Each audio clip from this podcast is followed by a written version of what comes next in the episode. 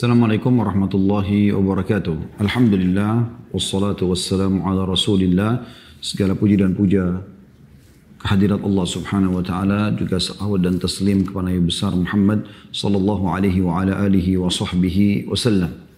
Semoga teman-teman sekalian di sore hari ini Allah subhanahu wa ta'ala memberkahi sisa umur kita dan menerima seluruh amal-amal kita yang pernah kita kerjakan dari amal saleh yang sedang kita kerjakan dan juga yang akan kita kerjakan sampai menjelang ajal dan ajal datang nanti dengan pahala yang sempurna. Juga Allah Subhanahu wa taala menggantikan seluruh dosa kita menjadi pahala dengan kemahamurahannya. Dan juga semoga Allah Subhanahu wa taala selalu menjadikan negara kita negara yang aman, tentram, damai, seluruh umat Islam di bawah naungan ukhuwah Islamiyah dan dalam hal ibadah mereka kembali kepada Al-Qur'an dan Sunnah dan siapa pun yang menginginkan keburukan bagi Islam, bagi Indonesia, bagi kaum muslimin Semoga Allah mengembalikan tipu daya mereka kepada diri mereka sendiri. Serta semoga Allah menolong seluruh kita yang tertindas di mana pun mereka berada di Palestina, di Syria, di Yaman, di Irak, di Myanmar, di Ahsa. Di mana pun di muka bumi ini, semoga Allah ikhlaskan niat mereka. Terima para syuhada mereka, mulakan Islam di tangan mereka dan tangan kita semua. Dan semoga Allah ikut sertakan kita bersama mereka di pahala, baik dengan doa, dengan harta juga dengan jiwa kita. Dan semoga Allah dengan kemahamurannya menyatukan kita semua di surga Firdaus tanpa hisab. Semua disatukan dalam majlis ilmu yang mulia ini. Saudaraku seiman, kita akan membahas atau melanjutkan bahasan tentang masalah surga.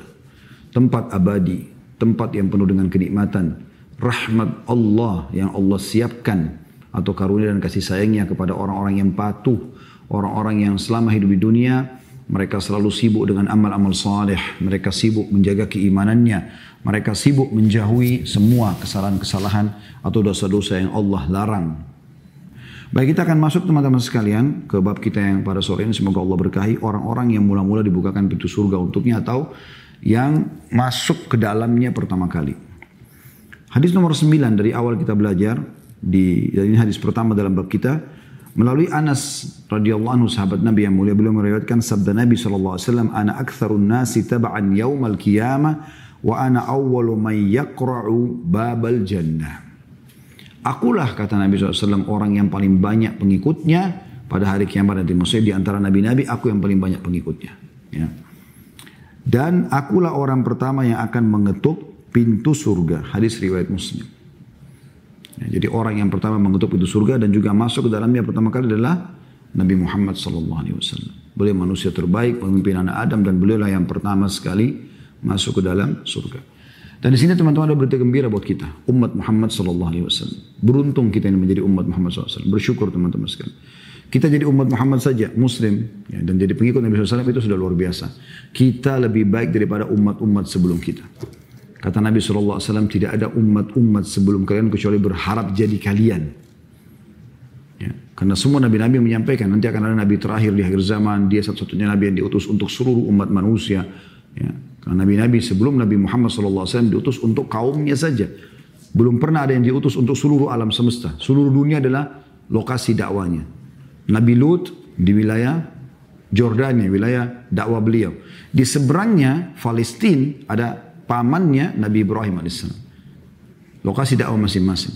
Nabi Musa sama Nabi Khidir sezaman. Tapi lokasi dakwanya beda. Ya. Jadi masing-masing punya lokasi dakwah. Oleh karena itu teman-teman sekalian Nabi Muhammad SAW punya keutamaan sendiri. Dan beliau mengatakan juga dalam hadis yang lain, aku adalah pemimpin anak Adam pada hari kiamat dan tidak ada kesombongan dalam masalah itu. Tapi memang Allah yang suruh aku menyampaikan masalah ini. Hmm. Ini keutamaan tersendiri. Beliau nanti akan masuk ke dalam surga lalu diikuti oleh umatnya. Dalam sebuah riwayat lain kata baginda Nabi Shallallahu Alaihi eh, surga diharamkan untuk nabi-nabi sebelum aku masuk dan diharamkan untuk umat-umat sebelum umatku masuk. Ini keutamaan yang luar biasa. Ya. Lebih dulu masuk ke tempat abadi, bisa menikmati beberapa saat sebelum umat yang lain, itu luar biasa. Gitu. Ya. Bedanya sehari saja, misalnya, itu sudah seribu tahun waktu dunia. Waktu akhirat itu, satu hari sampai dengan seribu tahun waktu kita di dunia. Hadis yang selanjutnya, hadis kedua dalam bab kita dan ini urutan 10 dari awal kita belajar masih dari Anas radhiyallahu anhu, beliau berkata Nabi SAW bersabda, "Ati babal jannati yaumal qiyamah fa astaftih." Aku akan mendatangi pintu gerbang surga pada hari kiamat, lalu aku mengetuknya. Fayakulul khazin man ant. Maka penjaga pintu surga akan bertanya, siapa kamu ini? Fa'akulu Muhammadun. Maka aku pun berkata, aku adalah Muhammad. Fayakulu, bika umirtu la aftahu li ahadin qablak. Penjaga itu mengatakan kepadamu aku diperintahkan agar aku tidak membukanya untuk seorang pun sebelummu. Hadis riwayat Muslim. Artinya surga tidak akan pernah ada yang bisa membuka pintunya ya, dari kalangan manusia dan jin kecuali Nabi Muhammad SAW. Beliau adalah orang yang pertama kali boleh mengetuk, boleh memasukinya. Nah, ini luar biasa, karunia dan kedudukan besar buat beliau. Sementara untuk Muhammad, untuk umat Muhammad sallallahu alaihi wasallam, untuk umat beliau, kita-kita ini semua, kita bisa lihat di bab nomor 4. Manusia-manusia yang mula-mula masuk surga. Kalau tadi kan orang secara individu, ya. Itu Nabi Muhammad SAW, pemimpin kita semua. Makanya beruntunglah orang yang menjadi pengikutnya. Orang yang setia mengikuti sunnahnya, memperjuangkan sunnahnya, hidup dan mati untuk membela Nabi SAW. Itu kena akan bersama dengan beliau. Gitu ya. Makanya Uthman bin Affan radhiyallahu anhu pada saat beliau mau dibunuh oleh kaum Khawarij, orang-orang yang datang memberontak dari pemerintahan Uthman, maka apa yang terjadi? Beliau mimpi, kata Nabi SAW kepada Uthman, sabarlah ya Uthman, karena sebentar engkau akan berbuka puasa bersama kami. Pada hari itu Uthman bin Affan puasa radhiyallahu anhu. Dan beliau terbunuh sebelum berbuka puasa. Ya. Jadi kita akan bertemu dengan Nabi SAW. Tinggal mengikuti sunnahnya saja. Tinggal meninggalkan larangannya. Ya, ini hal yang luar biasa dan ringan. Bukan sulit. Kata Nabi SAW pada saat beliau lagi sakit parah. Ya, beliau kemudian mendengar banyak sahabat yang menangis di masjid. Maka beliau SAW keluar berusaha pada saat beliau sudah mulai agak sehat.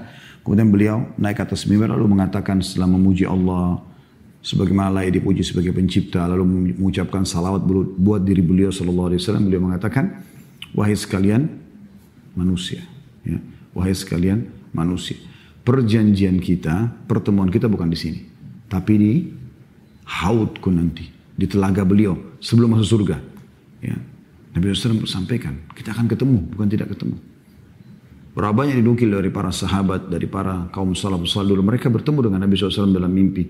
Nabi SAW sampaikan kalau akan bertemu dengan beliau Sallallahu Alaihi Wasallam. Ya. Banyak orang yang uh, apa namanya uh, dimimpikan oleh orang lain bahwasanya Nabi Shallallahu Alaihi Wasallam memujinya misalnya. Tapi ini harus mimpi yang benar ya, dinukil dari para salafus saleh dulu.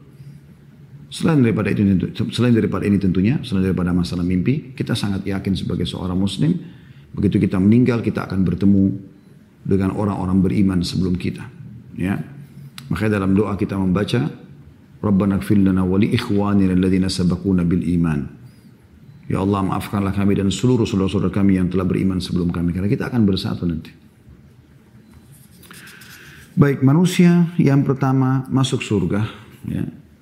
Beliau mengangkat dari pertama adalah surah Az-Zumar ayat 73. Seperti biasa teman-teman sekalian, karena di sini penerbit tidak menulis ayat Al-Qur'annya, maka kita akan membaca dari aplikasi Al-Quran di handphone kita masing-masing. Silakan dibuka surah Az-Zumar, surah nomor 39 ya.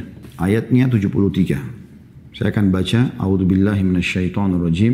Wasiqal ladzina ittaqaw rabbahum ilal jannati zumara hatta idza ja'uha wa futihat abwabuha wa qala lahum khazanatuha salamun alaikum tibtum tibtum fadkhuluha khalidin.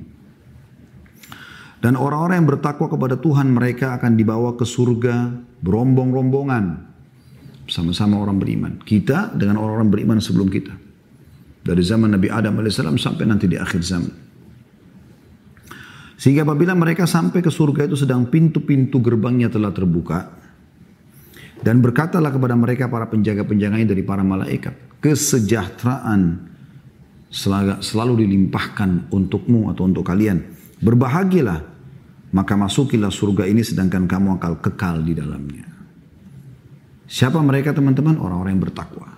Ini orang-orang yang pertama masuk ke surga setelah Nabi Muhammad SAW. Dari umat ini ya, Ya. Tentu Nabi Muhammad SAW, kemudian para nabi-nabi, Setelah itu baru manusia biasa seperti kita, dimulai dari umat Muhammad SAW, baru umat-umat yang lainnya.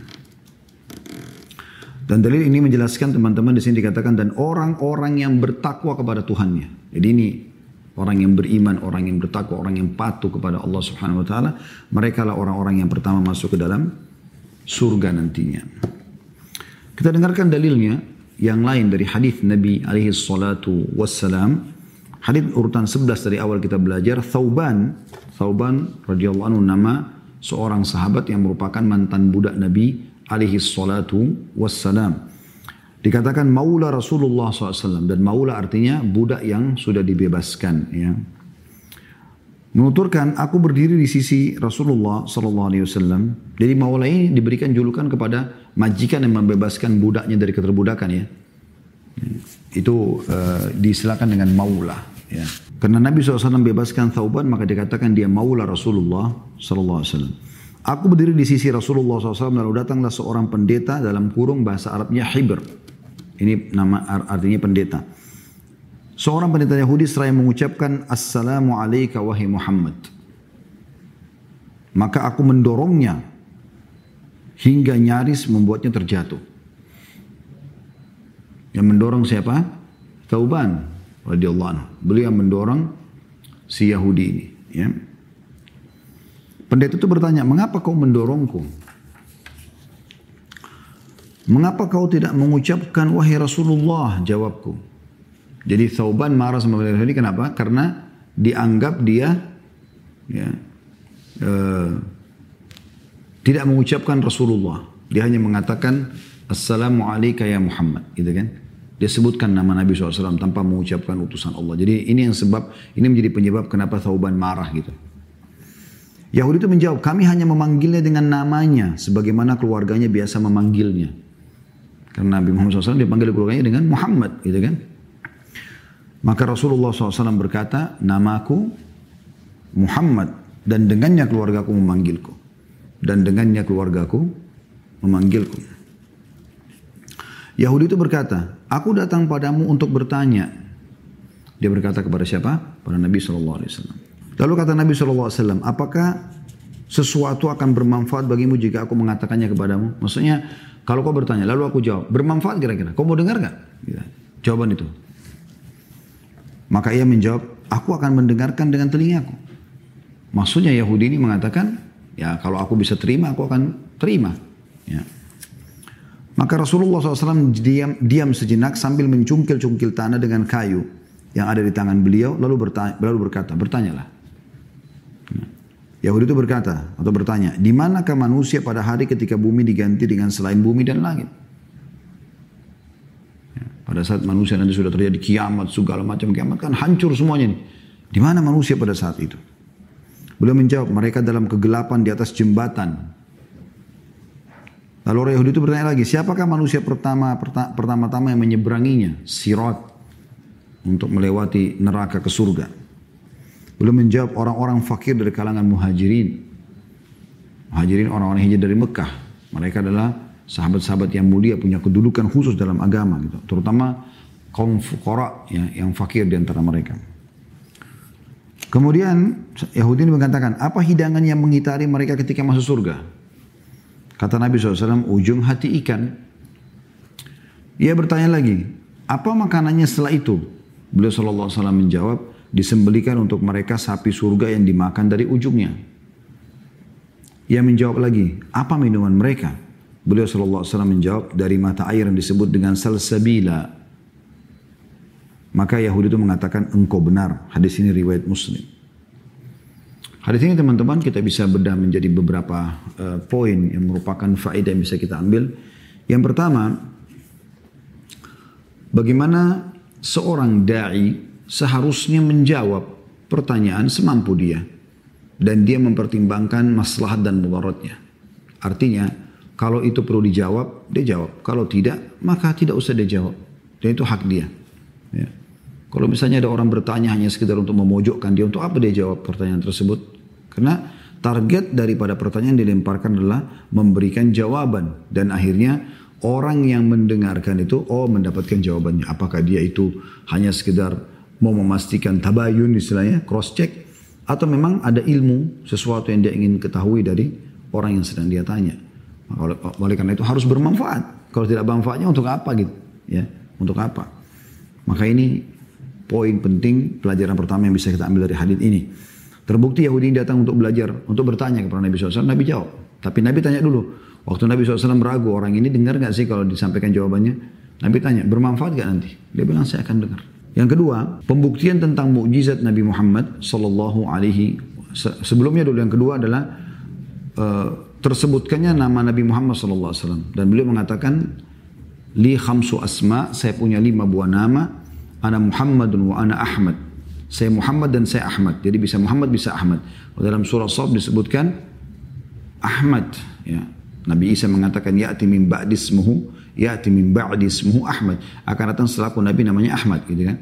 Nabi, Nabi SAW sudah sebutkan namaku Muhammad dan Ahmad. Kemudian beliau mengatakan wa ana mahi alladhi yamhu biha syirk alladhi yam, yamhu Allahu biha syirk. Yang denganku diutus syirikan Allah hapuskan. Kemudian wa ana hashir alladhi yuhsyarun nasu baina idai. Dan saya juga hashir yang manusia akan dibangkitkan setelah aku dibangkitkan. Dan wa ana aqib yang kelima. Alladhi la nabiyya ba'di. Artinya tidak ada nabi setelahku. Ada lima nama dan di sini juga disebutkan nama Nabi Muhammad SAW sebagaimana juga Allah kekalkan satu surah Al-Quran namanya surah Muhammad. Surah nomor 47 dalam Al-Quran. Pelajaran yang ketiga adalah mukjizat Nabi Muhammad SAW. Jadi pada saat beliau ngorek-ngorek tanah itu, beliau menunggu wahyu SAW. Apakah Yahudi ini dijawab atau tidak. Maka setelah wahyu datang, Nabi SAW mengatakan bertanyalah. Makanya beliau memberikan jeda waktu dulu. Biasanya begitu kalau ada beberapa orang sahabat yang bertanya dan ternyata memang pertanyaannya ini ya butuh jawaban dari wahyu ditunggu maka beliau terdiam sampai benar-benar jelas ya ada yang uh, apa namanya jawaban dari wahyu baru kemudian beliau menjawabnya Nah di antara pertanyaan yang jelas di sini itu ditanyakan adalah di manakah manusia pada hari ketika bumi diganti dengan selain bumi dan langit? Artinya keadaan pada saat itu di mana? Di mahsyar. Ya, tentu rincian dalam agama kita banyak ya. Mereka dibandingkan dulu di mahsyar, di tanah dalam hadis dikatakan yang putih, tidak ada sedikit pun batunya, tidak ada gunungnya, tanah saja. Mereka dibagikan di situ. Ya dan dalam sebuah riwayat dikatakan itu di negeri Syam, Allahu alam ya. Yang jelas seperti itu penyebutannya. Nah, kemudian setelah itu baru ada neraka didatangkan dengan 70 ribu rantai ditarik oleh para malaikat dengan 70 ribu malaikat di setiap rantainya. Neraka ditarik dengan 70 ribu rantai, di setiap satu rantai ada 70 ribu malaikat yang menariknya. Kemudian dari kejauhan terlihatlah surga. Gitu kan? Semua orang yang mau menuju ke surga, walaupun orang beriman, mereka, mereka melewati sirat jalan dibentangkan atau jembatan yang dibentangkan di atas neraka. Makanya Allah katakan dalam surah Qaf, Ma minkum illa wariduha. Tidak ada seorang pun di antara kalian kecuali akan melewatinya. Maksudnya melewati neraka. Yang layak masuk, naudzubillah masuk dulu. Yang tidak layak, maka mereka akan langsung menuju ke uh, surga. Ya. Yang dalam hadis masyur nanti akan kita insya Allah pelajari juga di bab tentang surga ini. Orang yang pertama lewat, orang yang kedua, orang yang ketiga sampai nanti orang yang terakhir melewati jembatan tersebut. Nah karena wahyu datang menjawab sesuai dengan pertanyaan Yahudi, Yahudi fahamnya ini. Manusia akan ada di jembatan ya yang gelap. Karena memang dalam beberapa ayat disebutkan sirat itu gelap dan licin. Ya, tidak diketahui berapa jauh jaraknya karena dibentangkan di atas neraka yang sangat luas. Kemudian yang kedua pertanyaan Yahudi ini dan ini juga mujizat tentunya. Siapa orang yang pertama menyeberangi dan ini jadi saksi bahasan kita manusia yang menyeberangi pertama sirat dan akan masuk pertama ke dalam surga. Jadi Nabi SAW kemudian umatnya dan dari umatnya ini yang paling pertama masuk adalah orang-orang fakir dari para muhajirin. Muhajirin dari kaum muslimin yang hijrah dari Mekah ke Madinah. Ada juga sebagian ulama yang mengatakan semua orang yang hijrah bisa masuk dalam sini. Gitu kan. Tapi ini yang jelas maknanya yang paling tepat adalah orang yang hijrah dari Mekah. Para sahabat-sahabat Nabi yang awal-awal hijrah ke Madinah. Kemudian pertanyaan ketiga adalah bagaimana apa hidangan yang mengitari mereka, yang sering ada atau yang akan dibawa untuk mengelilingi mereka. Kata Nabi SAW, hati ikan. Nah, ini jangan boleh teman-teman kita bayangkan seperti hati ikan kita sekarang. Apalagi orang yang tidak suka makan hati ikan. Mungkin dia akan mengatakan, kenapa ya hati ikan? Toh saya tidak makan ikan. Ya, bukan itu. Karena di surga nanti teman-teman sekalian tidak ada lagi yang kita tidak suka. Semua di surga itu kata Nabi SAW, ya, ma la ainun ra'at wala udhunun samil wala khatar ala qalbi bashar. Semua akan dilihat oleh mata nanti di sana tidak pernah mata lihat, semua yang didengar oleh telinga tidak pernah telinga dengar dan juga semuanya yang ada di situ tidak pernah terlintas dalam benak manusia. Kemudian setelah itu dikatakan, lalu apa makanan mereka? Setelah itu apa? Kata Nabi SAW, disembelihkan untuk mereka sapi surga yang dimakan seluruhnya. Dari ujungnya maksudnya dari awal sampai semua utuh sapi itu dimakan. Tapi dimasak dengan masakan surga. Dengan diproses dengan proses di surga. Satu-satunya kelompok manusia yang pernah merasakan makanan surga di dunia itu Bani Israel. Makanya Allah sangat murka dengan mereka itu. Kalau yang kufur di antara mereka, nah Allah sudah memberikan banyak sekali kelebihan kepada mereka. Surah Al-Ma'idah, surah nomor 5 dalam Al-Quran. Al-Ma'idah artinya makanan sajian itu karena memang makanan yang diturunkan oleh Allah dari surga. Karena mereka minta Hawariyun, sahabat-sahabat Nabi Isa meminta kepada beliau sallallahu alaihi salatu wassalam agar menurunkan makanan dari langit. Maka diturunkan makanan dari langit pada saat itu Allah SWT. Kemudian ditanyakan lagi apa minuman mereka. Maka kata beliau dari mata air yang disebut dengan salsabila. Ini juga disebutkan dalam Al-Quran ya. Salah satu nama mata air yang masyhur di surga adalah salsabila. Mata air yang tidak akan pernah berubah rasanya. Kalau dalam surah Muhammad disebutkan di ayat 15-nya ada empat sungai besar di surga nanti. Sungai dari uh, susu yang tidak pernah basi, madu yang tidak kotor tersaring, uh, minuman anggur yang tidak pernah tidak memabukkan dan air tawar yang manis. Empat ini yang diberikan uh, kepada ahli surga nanti akan mengalir ke surga-surga mereka, istana-istana mereka dan bukan mustahil mata-mata air surga pun keluar dari empat jenis ya, minuman yang mulia ini. Selanjutnya di hadis nomor 12 dikatakan Abu Hurairah radhiyallahu anhu meriwayatkan sabda Rasulullah SAW yadkhulu fuqara'ul muslimin al-jannata qabla al-agniya'i binisfi yawm wa huwa 500 am. Kaum fakir muslimin masuk surga setelah atau setengah maaf. Kaum fakir muslimin masuk surga setengah hari lebih dahulu sebelum orang-orang kaya yakni 500 tahun. Hadis ini riwayat Tirmidzi dan dinilai derajatnya hasan sahih. Hadis ini teman-teman memberikan pelajaran kepada kita tentang bukan keutamaan orang miskin ya, tapi keutamaan orang yang diuji dengan kemiskinan di dunia dan mereka soleh dan soleha. Karena kesabaran mereka, selama ini mereka mau makan susah, mereka mau minum susah. Tidak seperti yang Allah SWT seperti kita diberikan rezeki yang Masya Allah. Mau makan apa pun bisa beli, tinggal pesan, mau pakai apa pun, mau, mau mengendarai kendaraan apa pun ada. Yang mau menyumbang berapapun kita punya. Gitu kan. Orang-orang miskin tidak bisa, mereka mau beramal soleh, mereka nggak ada duit dengan bersedekah misalnya bangun masjid kah, bantu anak yatim kah, sebarin Quran kah, gali sumur lah. Mereka nggak punya sama sekali. Mereka juga mau membiayai hidup mereka juga susah. Nggak bisa makan, nggak bisa minum, nggak ada. Mau melamar kerja juga nggak ada sekolahnya mungkin. Ya. Maka dengan ujian itu Allah lebih dahulukan mereka masuk ke dalam surga. Setengah hari waktu akhirat. Makanya dikatakan 500 tahun. Karena satu hari waktu akhirat sama dengan seribu tahun waktu kita di dunia. Allah katakan dalam Al-Quran, A'udhu billahi minasyaitonirrajim, yawma inda rabbika ka'alfi sanati mimma ta'udun. Satu hari di sisi Tuhanmu adalah sama dengan seribu tahun waktu kalian di dunia. Tapi ini teman-teman tidak mem, tidak tidak memberikan gambaran kepada kita berarti orang miskin lebih tinggi derajat daripada orang kaya. Hadith ini menjelaskan hanya lebih dulu masuk saja. Bukan lebih tinggi derajatnya.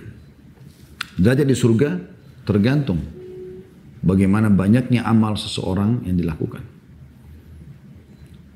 Kalau ada orang miskin, dia hafal Quran 30 juz, ada juga orang kaya hafal 30 juz Al-Quran. Semua sama ibadahnya, sama juga umurnya. Mana yang lebih afdal di antara keduanya? Khilaf di antara ulama. Mana lebih baik, lebih afdal? Orang miskin yang sabar, karena susahnya hidupnya, tapi dia soleh. Dengan orang kaya yang bersyukur. Panjang lebar hidup di antara ulama. Tapi kesimpulan yang akhir bisa kita ambil adalah orang kaya yang bersyukur lebih afdal. Karena orang miskin yang sabar, manfaat sabarnya hanya untuk dirinya sendiri. Sementara orang kaya yang bersyukur, manfaat syukurnya akan menyebar ke mana-mana. Karena dia akan terus berbagi. Satu orang kaya yang bersyukur bisa memenuhi kebutuhan seribu orang miskin yang sabar. Tapi orang miskin yang sabar itu untuk diri dia sendiri dia tidak bisa berbuat apa-apa untuk orang kaya. Kan gitu. Jadi keutamaan dan sebutkan hadis adalah keutamaan masuk ke dalam surga. Tapi derajat di surga itu berbeda.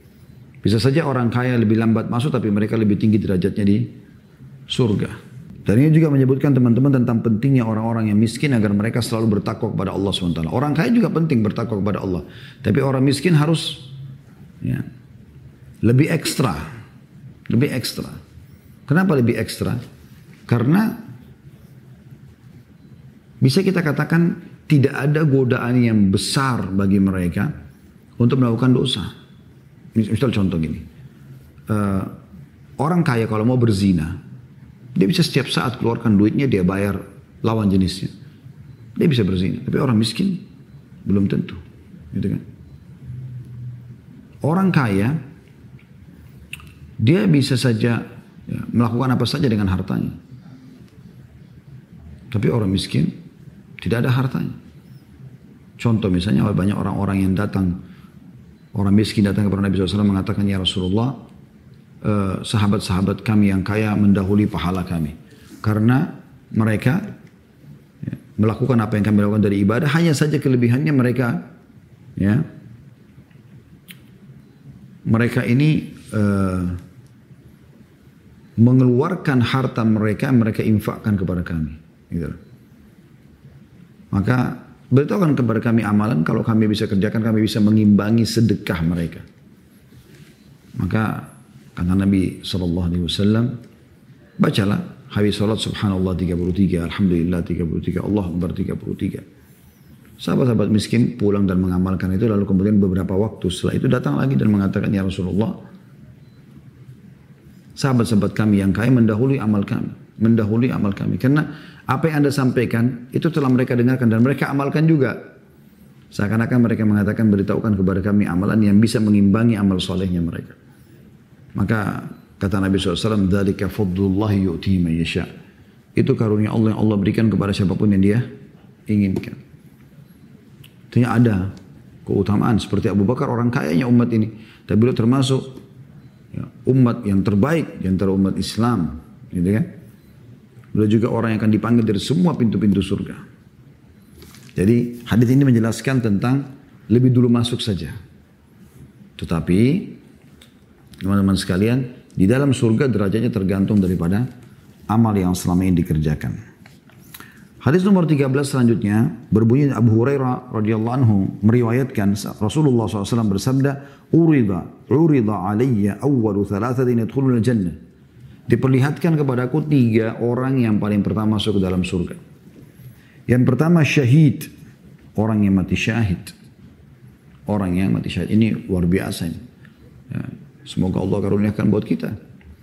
Karena ini mati ini semua orang pasti akan melaluinya. Kalau orang fahamin ini dan hanya dia minta agar Allah karunia dia mati syahid itu luar biasa sebenarnya. Tidak perlu takut dengan mati syahid itu.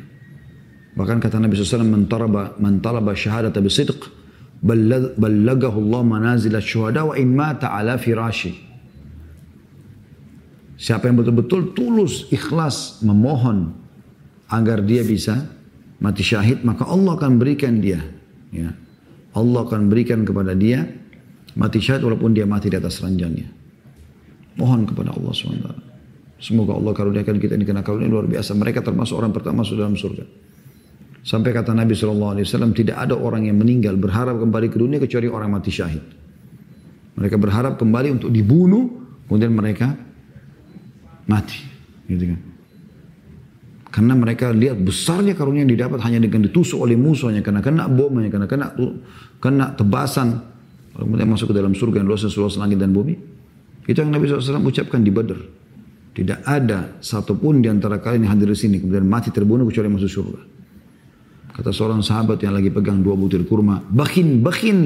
Indah sekali ya Rasulullah. Indah sekali. Kata Nabi SAW, kenapa kau ucapkan itu? Kata dia, coba ulangi ya Rasulullah. Kata Nabi SAW diulangi, tidak ada seorang pun antara kalian yang terbunuh di medan perang ini. Dibunuh oleh orang kafir itu. Dibunuh oleh orang-orang kafir itu. Kecuali dia pasti masuk surga. Maka sahabat ini mengatakan, Bakhin ya Rasulullah, apakah hanya dengan aku dibunuh oleh mereka lalu aku masuk surga? Maka Nabi SAW mengatakan, iya. Dengan berkecamuk lah peperangan, sahabat ini melihat dua butir kurma, dia makan dulu kurma tersebut. Dengan tujuan menghabiskan baru dia mati, masuk perang. Pada dia lagi kunyah satu lalu tiba-tiba Allah ilhamkan dalam fikiran hati dia lalu kemudian dia mengatakan kalau aku menunggu dua butir kurma ini maka masih lama masuk dalam surga. Dia buang lalu kemudian dia masuk sampai dia terbunuh radhiyallahu anhu. Kemudian yang kedua, afifun muta'affif. Ya. Itu adalah orang yang memelihara diri dan tidak minta-minta. Orang yang susah hidupnya tapi nggak mau mengemis. Ini mengemis penyakit. Yang tidak boleh ada dalam kehidupan kita. Dia susah tapi dia tidak mau mengemis. Pernah dinukil ada seseorang miskin sekali hidup di Irak. Kemudian dia pun setiap hari makan dengan anak dan istrinya hanya apa yang didapatkan hari itu. Kalau kita kan sekarang Masya Allah sudah ada belanja bulanan, satu bulan penuh terpenuhi kebutuhan kita, Masya Allah, Alhamdulillah luar biasa. Ada orang mungkin satu tahun stoknya di gudang rumahnya ada. Orang ini tidak ada. Hari itu apa yang dia dapat itu yang dia makan sama istrinya. Satu hari dia pulang tidak ada makanan sama sekali. Dia nggak ada hasil. Nggak bisa kerja, nggak ada kerjaannya. Istrinya tanya, ada makanan hari ini? Kata dia tidak ada. Kata istrinya betul-betul saya sama anak. Belum makan dari pagi. Lapar sekali. Dia bilang, baiklah saya coba keluar lagi. Dia keluar. Subhanallah pada saat dia keluar, dia juga tidak tahu mau ke mana malam hari. Zaman dulu maghrib udah nggak ada orang. Toko semua tutup sebelum maghrib. Gak ada orang di jalan, semua orang di rumah. Habis Isya orang sudah tidur semua. Umumnya begitu dulu. Ya. Maka dia pun keluar dan tidak tahu mau ke mana. Apalagi sudah larut malam pada saat itu. Dia datang dari masjid lalu dia pergi ke masjid. Dia wudhu, dia sholat. Dia nggak tahu lagi harus buat apa. Mau ke rumah siapa, mau minta sama siapa. Maka dia mohon kepada Allah subhanahu wa ta'ala agar memberikan kepada dia makanan supaya dia sama anak istrinya tidak kelaparan. Di waktu itu subhanallah Allah buat satu raja penguasa di wilayah itu mimpi gelisah dia. Mimpi kematian, mimpi tentang neraka. Dia ketakutan dia bangun, dia ambil beberapa kantong uang-uang dinar emasnya dengan tujuan bersedekah supaya Allah subhanahu wa ta'ala selamatkan dari risik sehari kiamat. Yang bersedekah mumpung dia lagi semangat-semangatnya ya. Maka dia pun keluar sambil dia mengatakan, Ya Allah, sebagaimana engkau mimpikan aku dan aku tergerak untuk bersedekah malam ini dan terimalah. Aku tidak akan memegang tali kekangan kuda ini, aku biarkan dia berjalan. Berhentikanlah di tempat orang yang tepat untuk aku berikan sedekah ini. Maka kuda itu berjalan ma masuk ke masjid itu, masuk di halaman masjid tersebut, pelatarannya. Orang kaya ini, pemimpin ini bingung, kok bisa mampir sini ada orang kah? Malam begini masjid semuanya tutup, tidak ada orang, maksudnya tidak ada orang lagi. Tidak tutup ya, karena zaman dulu ada yang pakai pintu, ada yang tidak. Dia pun turun, kemudian dia masuk ke dalam masjid, dia, dia dengar dari kejauhan ada orang lagi berdoa.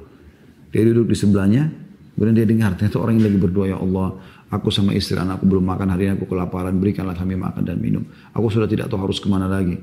Doa ini dengar, sampai orang itu selesai sholat, selesai berdoa, Orang kaya ini mengatakan, aku telah mendengar doamu wahai hamba Allah. Aku ini kebetulan keluar memang untuk mencari orang yang aku ingin sedekahkan. Maka ambillah kantong-kantong dirham ini. Dinar kantong-kantong dinar ini. Kantong-kantong dinar ini. Ya. Maka diberikanlah. Setelah itu dia mengatakan, saya pemimpin wilayah ini. Kalau kau ada hajat apa pun mulai hari ini silakan datang kepadaku. Biasanya kita kalau kalau mendengarkan ucapan seperti dari seorang pemimpin wilayah, masa kita nggak gembira? Setiap ada apa-apa semuanya datang saja, sampaikan. Saya akan penuhi semuanya. Itu kan luar biasa, jaminan yang luar biasa. Maka kata orang miskin tersebut yang jadi pelajaran buat kita, dia mengatakan kalaupun saya punya hajat saya tidak akan minta kepada anda, tapi saya akan minta kepada Allah yang telah mendatangkan anda kepada saya. Begitu luar biasa mereka menjaga diri mereka. Mereka tidak mengemis, tapi mereka minta kepada Allah langsung. Yang ketiga adalah hamba sahaya yang beribadah kepada Allah dengan baik dan menasihati Tuhannya, tuannya, menasihati tuannya.